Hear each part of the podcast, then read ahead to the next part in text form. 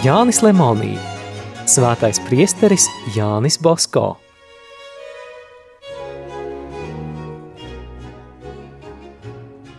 Tūkstoš 858. gadā, kad Jānis Bosko pirmo reizi devās uz Romu, viņš apmeklēja daudzus baznīcas vadības pārstāvjus, to vidū arī kardinālu Tostī, kas rūpējās par svētā Miķeļa bērnu patversmi. Kardināls aizvedis viņu apskatīt šo savu patversmi, pēc tam aicināja doties ārpus pilsētas mazliet atvēsināties. Ceļā viņi sāka runāt par to, kādai jābūt pareizai jaunatnes audzināšanas sistēmai. Citu reizi priesteris Bosko ieradies šajā pašā iestādē novēroja, ka tajā audzēkņi nemīl savus priekšniekus un tos ieraugot slēpās. Tas atstāja ļoti nepatīkamu iespaidu jo īpaši tāpēc, ka iestādes vadība bija priesteru rokās. Priesteris Basko par to kardinālam sacīja: Lūk, eminence, nav iespējams zēnu izaudzināt, ja viņš priekšniekiem neusticas. Saprotu, atteica kardināls, bet iegūt uzticību ne visiem izdodas. Kāpēc jūsu domām tā iegūstama? Jācenšas izturēties tā, lai bērns nebītos mums tuvoties, un jāizvairās no visa tā, kas viņu no mums attālina. Nu jā, bet jūsu vārdi man liekas pārāk vispārīgi. Kādai tad konkrēti runājot, jābūt audzinātāja rīcībai? Vispirms audzinātājiem jāatrodas bērnu vidū, jāpielāgojas tiem, pašam jākļūst mazam. Ja eminence vēlas, mēģināšu šo jautājumu izskaidrot ar piemēru. Lūdzu, sakiet, kurā Romas daļā var atrast visvairāk bērnu? Tautas laukumā, kardināls atteica. Labi, dosimies uz tautas laukumu. Kardināls sacīja važonim, lai tas brauc uz minēto vietu. Kad viņi ieradās laukumā, priesteris Bosko izkāpa, bet kardināls skatījās, ko viņš darīs. Priesteris Bosko ieraudzījis rotaļājamies bariņu zēnu, piegāja tuvāk. Zēni nobijušies izklīda. Priesteris Bosko viņus visus laipni aicināja pie sevis. Sākumā zēni sapulcējās ap viņu šaubīdamies un neusticīgi. Jānis Bosko katram no viņiem kaut ko uzdāvināja, apjautājās par viņu ģimenēm, par baznīcu, kuru tie apmeklē, kādas rotaļas prot, kāpēc no viņa baidījušies un uzaicināja visus rotaļāties kopā ar viņu. Viņš tos visus sapulcināja un sāka rotaļu. Citi zēni, ieraudzījami nekad neredzētu ainu, Priesteri spēlējam spēles, steidzās pie viņa. Bosko visus uzrunāja, katram iedeva pa dāvaniņai, pajautāja, vai viņi esot labi, vai lūdzoties, vai ejot pie grēksūdzes. Kad priesteris Bosko atsveicinājās un gribēja doties atpakaļ, zēni viņu pavadīja līdz pat pajūgam. Kardināls brīnījās. Vai redzējāt eminence? Priesteris Bosko jautāja. Jums taisnība, kardināls atteica. Ja gribat ko labu darīt, Bosko sacīja, jābūt mazliet drosmei un gatavībai paciest dažādas nepatikšanas, nelaipnību, nevienam nedarīt sliktu, vienmēr būt laipniem. Tā rīkojoties, iespējams ievākt skaistus augļus. Labi panākumi būs katram un vienmēr, ja tikai tam būs svētā Franciska drosme un laipnība. Ko vajadzētu darīt, godājamais priesteri Bosko, lai meitenes nāktu uz mūsu oratoriju? Viņam jautāja Marijas kristīgo palīdzības meitas.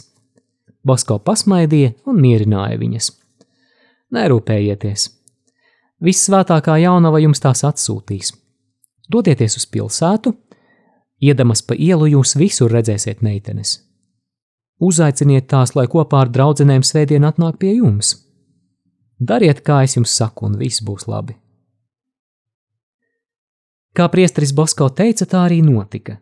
Māsa Elizabete Ronkaulī raksta. Iedamas pa karalienes Margaritas prospektu satikām trīs vai četras pavisam trūcīgas meitenes. Katrai no tām uzdāvinājām medaļoniņu, pāris konfektes un visām likām sadalīt skaistu apelsīnu. Svētdien atnāca pavisam desmit meiteņu. Nākamajā svētdienā meiteņu jau bija trīsdesmit un tā arvien vairāk un vairāk. Mūsu darba lauks kļuva ļoti plašs.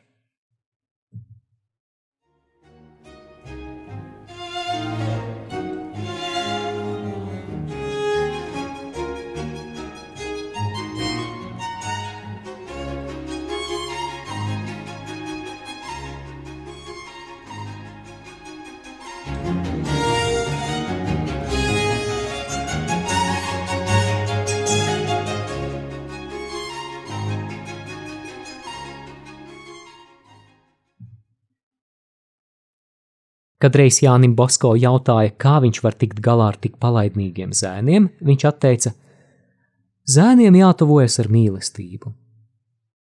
Jautātājam tas nebija skaidrs, un viņš lūdza šo domu paskaidrot. Priesteris Bosko atteica: Bērnu sirdīs jāiedvež bība pret dievu. Bet dieva bība, psalmista vārdiem runājot, ir gudrības iesākums. Viņam 1886. gadā rakstīja Montpellier semināra rektors. Lūdzu man plašāk paskaidrot jūsu audzināšanas noslēpumu, lai arī es prastu sekmīgi audzināt savus semināristus. Mana sistēma, Jānis Bosko smaidīdams atkārtoja šo rektora vēstuli pārlasījis. Es pats nezinu, kāda ir mana sistēma. Es daru tā, kā Dievs man iedveš un kā tas attiecīgā gadījumā vajadzīgs. Bet Dievs viņu mācīja vēl pavisam mazu. Viņam bija tikai pieci gadi, kad Jānis mātei sacīja, ka iešot pie zēniem, kas viņam galvu pārsita tikai tādēļ, ka viņa klātbūtnē citi bērni kļuva mierīgāki, labāki un nerunāja tik neglītiem vārdiem. Jau toreiz viņam likās, ka vairāk nekas nav jādara, kā vienīgi jābūt šo zēnu vidū un tie jāmāca. Tūliņ pēc pirmās iedvesmas viņam tika uzdoti uzdevumi. Uzsākot devīto dzīves gadu, viņš sapnī redzēja kundzi, kas Jānim pavēlēja stāties zēnu bara priekšgalā un dzirdēja šos vārdus: Ne ar sitieniem, pērieniem, bet ar mīlestību un žēlsirdību tev jāiegūst šie savi draugi. Lūk, mīlestība bija viņa darbu pamatā. 1856. gadā viņa audzināšanas sistēma galvenos vilcienos bija jau ieskicēta.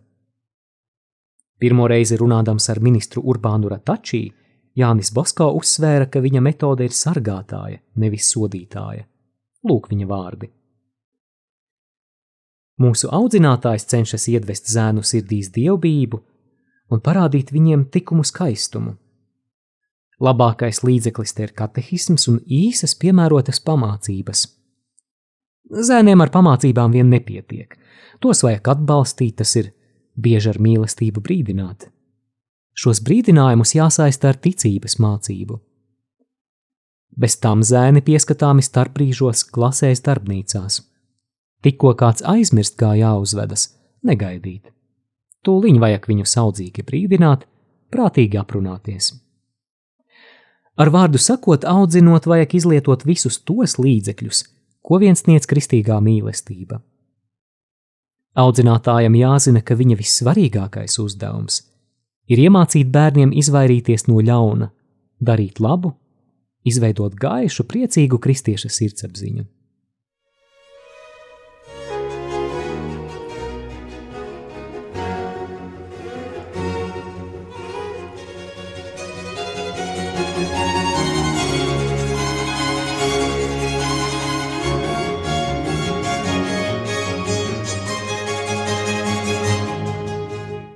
Turpinot šo domu, Bosko aicināja ministru ieviest ticības mācību un šādu audzināšanu arī pārmācības namos, pārliecināts, ka tādā veidā policijai darba būšot mazāk. Ministrs Ratačī uzmanīgi klausījās un saprata, ka priesteris Bosko runā patiesību.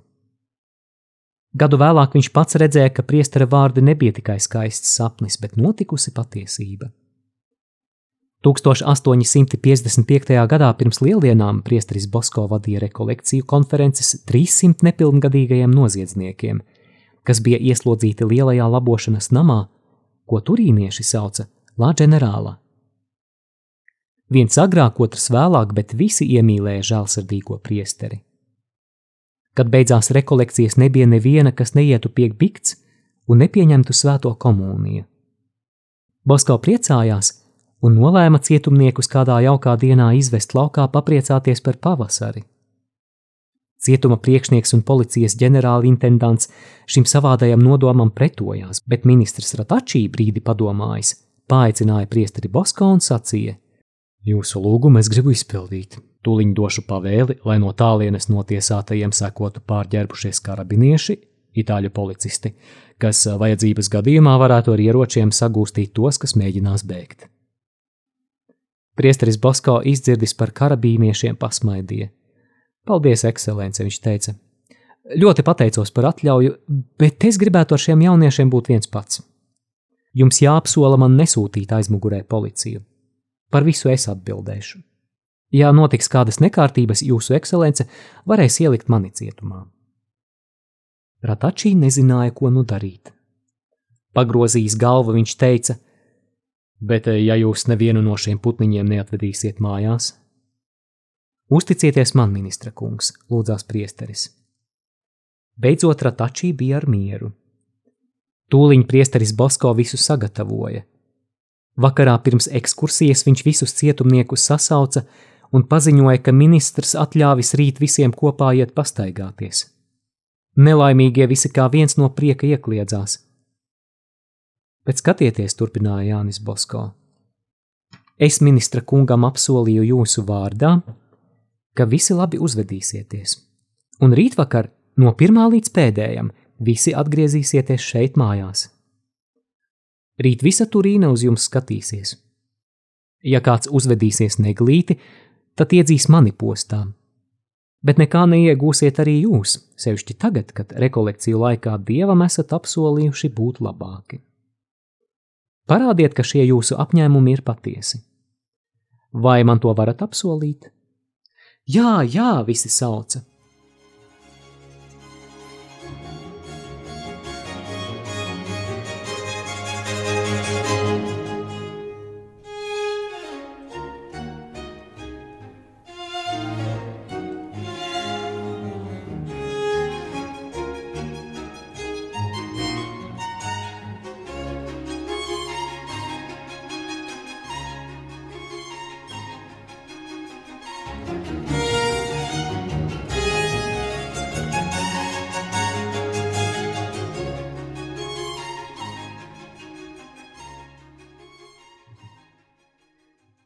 Pārdrošākos vajadzēja pat nomierināt, tie ar dūrēm draudēja tiem, kas mēģinās nepaklausīt. No rīta 300 nelabojamo jauniešu sastājās glītās rindās, paklausot priesterim Bosko, un tikpat priecīgi kā oratorijas zēni devās uz Turīnas pakalmiem Stupinīģī virzienā. Izgājuši no pilsētas, viņi varēja iet brīvi. Visi sapulcējās ap priesteri Bosko, Visi gribēja dzirdēt no viņa lūpām kādu labu vārdu. Stundu gājuši, viņi noņēma no zirga muguras pārtikas produktus, uzlika sev uz pleciem un lūdza priesteri Bosko jāt, tā viņš nenoguršot. Viņi bija pārvērtušies par labākajiem šīs pasaules zēniem. Kad viņi ieradās Stupinīģī, visi sapulcējās baznīcā, kur dievbijīgi piedalījās svētajā misē. Zēni visu dienu paklausīja katram priestera Bosko mājienam. Līksmi paēduši labas pusdienas, vēlāk iekoduši palaunadzi, viņi izpriecājās, cik vien gribēja, un vakarā visi atgriezās labošanas namā. Ministrs nepacietīgi gaidīja ziņojumu par ekskursijas rezultātiem. No priestera Bosko lūpām viņš dzirdēja, ka viss noritējis labi. Viņš pat rokas noplātīja no pārsteiguma. Esmu jums ļoti pateicīgs, ka tā rūpējaties par šiem nelaimīgajiem jauniešiem. Bet lūdzu, man godājamais priesteri, pasakiet, kāpēc valdība un tās pārstāvji nevar zēnos radīt tādu ietekmi kā jūs? Ekscelence, Bosko atteica. Mūsu spēks ir garīgais spēks. Valdība var tikai pavēlēt un sodīt, turpretī mēs uzrunājam jauniešu sirdis, un mūsu vārds ir Dieva vārds. Tagad Ratačī bija pārliecinājies, ka priesterim Bosko piemīt noslēpumains spēks, un viņš atzinās: Jā, jūs valdāt pār jauniešu sirdīm. Mēs par to nevaram pat cerēt. Vara pār sirdīm ir jūsu rokās. Ministrs tik dziļi iejutās šai patiesībā, ka vienu savu nelabojumu radinieku aizsūtīja nevis uz pārmācības namu, bet oratoriju.